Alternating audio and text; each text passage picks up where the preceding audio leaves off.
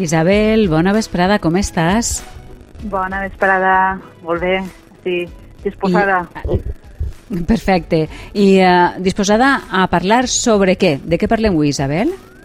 Doncs, com no podia ser d'una altra manera, en un parell de dies és el dia del llibre i parlarem mm -hmm. de llibres, que també són entre les meves grans, grans passions, i també un poc per, a, per acompanyar als companys d'editorials i de llibreters que, per a que ara eh, puguen celebrar el Sant Jordi d'esta forma més especial i per a que després també puguen tirar la persiana, la persiana amunt quan passe, quan passe tot això.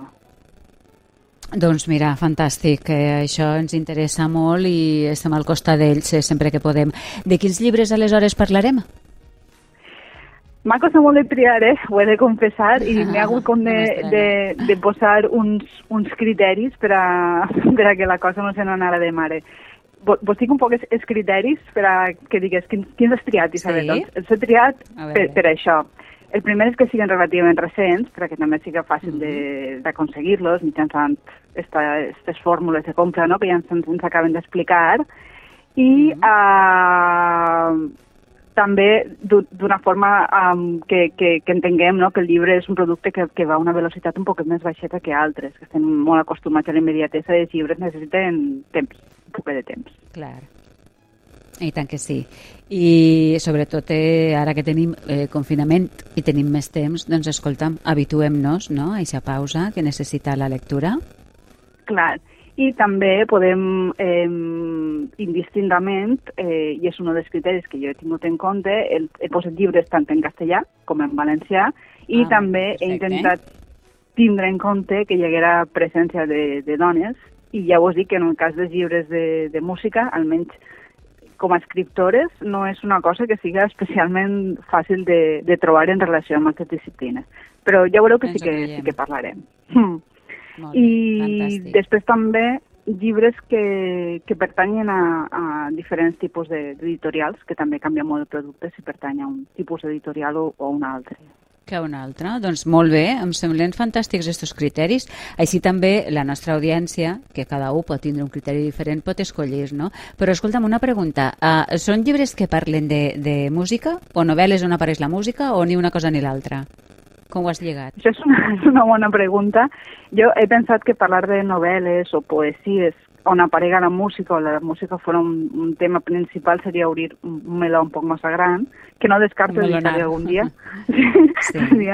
Però eh, avui ens, ens centrarem en els llibres que, que, que parlen de la mateixa música, que reflexionen sobre música. Per tant, he escollit un llibre sobre música clàssica, entre cometes, un altre sobre músiques tradicionals i un altre sobre músiques populars, però ja veureu que tot això té un poc de, de trampa. I també que estiguin a l'abast de tots els públics, sí, que qualsevol persona no cal ser un, un especialista ni tindre coneixements tècnics de música per a, per a poder llegir-los. Així tots han quedat molts llibres fora, però bé, farem ja, unes ja xicotes de recomanacions. Vinga, doncs endavant, amb aquesta primera recomanació, Isabel. El primer llibre eh, que he escollit es titula Armonías y suaves cantos i el subtítol és Les mujeres olvidades de la música clàssica. L'ha escrit uh -huh. l'escriptora anglesa Anna Beer i està editat en 2019, l'any passat, per Acantilado, que és la versió castellana dels, dels històrics quaderns crema, que segur que teniu uh -huh. algun, algun que altre llibre o l'haureu vist per casa. Sí, i tant. Eh, és un llibre que parla sobre dones músiques, aleshores? Podríem dir que sí. El, el llibre es composa, de, en realitat, de vuit biografies de dones que el que tenen en comú és que la seva professió principal va ser la composició des, de, des del segle XVII fins al segle XX en àmbit civil. Això vol dir que per a nosaltres és un poc estrany, però abans la separació entre un intèrpret i, i un compositor no era tan, tan, tan clara com ara, sinó que alternaven no? el, la professió i també s'ha de dir que en el passat un àmbit on les dones desenvoluparen la composició que no apareixen en llibres l'àmbit religiós. Tenim moltes eh, religioses que vivien en monestirs que mm. també composaren, però aquestes no apareixen en el llibre. Per tant, les, llibres, eh, les dones que apareixen no són mm, totes les mujeres, sinó que són un exemple d'una part, d'una part. Algunes que són dones, dones compositores d'àmbit civil, per dir-ho així. Uh -huh. I què poden trobar els nostres i les nostres oients en este llibre? Doncs, a més d'explicar-nos les circumstàncies personals de cada compositora, el que fa és que l'escriptora és que va descrivint les principals dificultats tant vitals com professionals als que es van haver d'enfrontar que depenen també del context de cada segle. No era el mateix ser una compositora del segle XVII en el món cortesà, que estaves al servei de, del rei del moment i solia haver sospites si la teua professió també, a més de la música, incloïa eh, l'exercici de la prostitució, que no era el mateix, diguem, que una compositora en el segle XIX en un ambient burgès on fonamentalment havies de negociar amb els homes de la teua família, els pares, germans, marits, sobre la conveniència de treballar fora de casa. De tota manera, e, el llibre jo crec que ajudarà també a, a moltes dones que es dediquen a, a, a la música a, a sentir-se identificades, no? a veure que, que les dificultats que a vegades patim ja han passat en el, en el passat i que a poc a poc podem anar eh, millorant-les. Uh -huh. I podríem posar algun exemple? M'ha resultat difícil pensar en, en, en, en alguna de les dones perquè totes són molt interessants. Eh, podem posar, per exemple, el cas de Jaquet de la Guerra, que és una compositora que va treballar en l'entorn de la cort del rei Lluís XIV de França, que és el rei Sol, que és, per tant, per això ens ho podem imaginar un poquet. Ella ja venia de família de músics, que també és una constant, i es va casar amb un músic, cosa que li va facilitar un poc més les, les tasques de composició la seva vida és interessant per això que dèiem abans, no? per, per veure com funcionava el sistema és de que el rei, eh, en funció també de, de qui, qui fora la seva amant, eh, en aquest cas, patrocinava unes, com, uns compositors, compositores, eh, i com havies un poc de mantenir este favor de les autoritats per a poder continuar desenvolupant la, la professió, i més encara en el cas de, de, de ser una dona. Uh -huh. I hem conservat la seva música?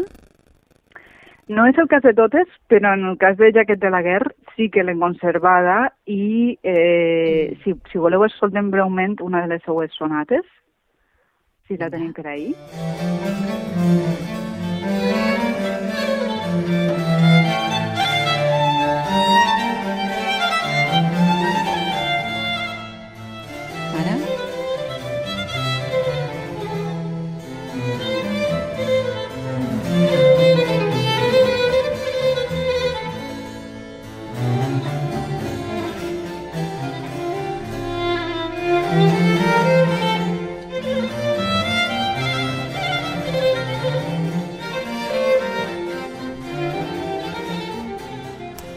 Clar, suposem que, que la vida d'aquestes compositores no és tan conegudes eh, perquè eren dones, no? O hi ha més motius darrere? No, justament el que s'explica en el llibre moltes vegades és, eh, fa paral·lel, pa, paral·lelismes no? amb, amb companys inclús germans o, o marits, que, com, com en el cas de Fanny Mendelssohn o de, o de Clara Schumann, sí. que al contrari que ells sí que elles no, no varen poder, no són tan conegudes justament per, per això. En el cas de Jaquet de la Guerra, ella, per exemple, sí que va mantindre els dos cognoms, no? va voler el seu cognom familiar i el del marit, que era músic. Però, eh, tot i haver introduït alguns gèneres, com musicals en, en França, no és coneguda eh, per al gran públic, com alguns compositors masculins. Mm -hmm. Molt recomanable. Però, escolta'm, mira, faré un poquet d'advocat del diable, no? Perquè vull preguntar-te per un aspecte positiu del llibre, però també sobre un altre, si el hi ha, que no t'hagi agradat tant. Doncs jo és un llibre que, que ah, jo crec que anat guanyant conforme anava, anava llegint. Al principi pensava que serien mm. més format biogràfic, més, més típic, no? que no sempre, de vegades igual se centra molt en aspectes molt personals, sinó es relaciona amb el context, però és un llibre que al final m'ha agradat moltíssim, bueno, te l'estic recomanant, i potser sí que és un poc llarg i depenent de, de com no és tan divulgatiu com es podia esperar. La col·lecció de Cantilado és un poc més especialitzada, però bé, jo crec que es, es deixa llegir i ja dic, eh, és molt recomanable perquè realment sí que es veuen les circumstàncies de vida històriques en contextos diferents de moltes dones compositores. Mm. Doncs magnífic. Passem al segon llibre, Isabel, segona recomanació. Sí, com, com vos he dit, volia que les recomanacions foren variades i el segon llibre va sobre músiques tradicionals. A diferència de l'anterior, està escrit en valencià, l'altre estava en castellà i ara escriu un home, que l'anterior escrivia una dona. El llibre que vos recomano és una reedició de l'editorial Alfons el Magnànim, també de 2019, i és el llibre de Vicent Torrent, La música popular. Eh, com tot el món sap, eh, Vicent Torrent és un dels màxims especialistes en música d'arrel valenciana, i no només a escala teòrica, sinó, sinó també pràctica.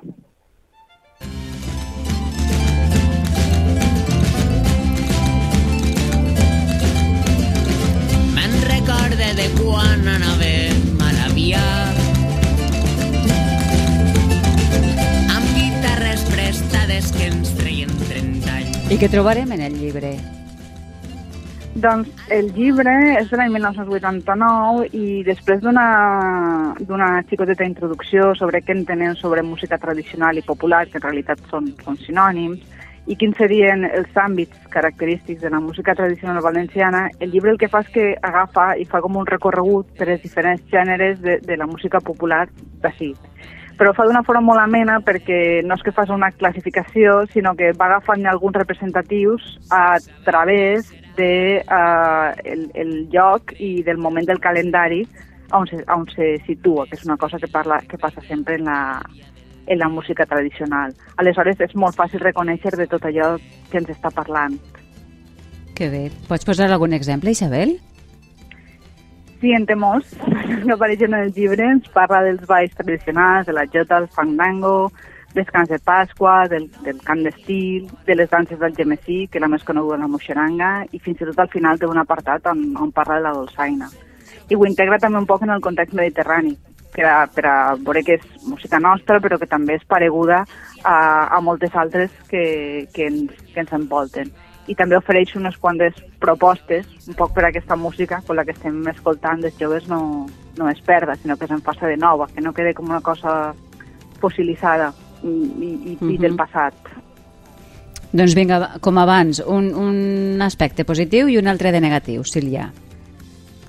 El llibre està escrit ja, fa uns quants anys, que passa molt ràpid, però és, eh, qui vulgui acostar-se a la música tradicional és, és una introducció molt, molt bona. El que passa és que, que clar, la, la, la, tant socialment com des del punt de vista musical, els anys han passat i ell sí que fa al principi com una espècie de pròleg on reflexiona sobre tot això, eh, però sí que pot ser, és, és, és s'hi aprecia un to un poc eh, nostàlgic en alguns aspectes, però bueno, ja, la veritat és que és una, és una introducció molt, molt bona per a un primer acostament que després es pot complementar en altres lectures que actualment ja... Tampoc és que n'hi hagi moltíssimes, però, però cada dia n'hi ha més.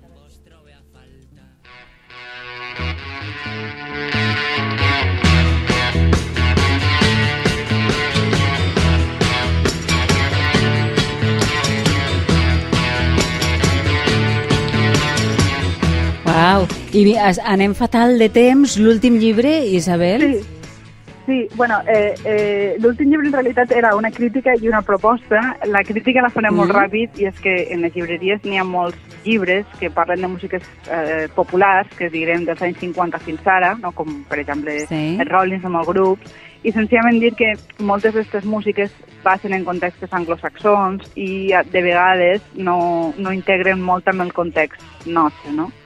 Per tant, la meva proposta era un llibre que es diu Cultura en tensió, que l'edita Raixberg, que està en valencià i en castellà, i són un recull de set textos de, de, des de la filòsofa Marina Garcés o el periodista musical Nando Cruz, que el que ens expliquen un poc és que la cultura no, no és un lloc, com a vegades pensem, de pau, sinó que interactua amb, amb, amb nosaltres contínuament. Aleshores, eh, jo el trobo interessant perquè fa un anàlisi de coses com el patrocini de grans marques de begudes als festivals, els preus que es fan pagar, l'ocupació dels espais públics, la fixació en els productes i no tant en les activitats del dia a dia de les comunitats i a més ho fa en un, en un entorn que no és excessivament filosòfic, en el sentit que es, es, es deixa llegir al mateix temps que podem pensar. Això m'ha paregut interessant. I sobretot, per Molt. als temps que correguem, està en e-book.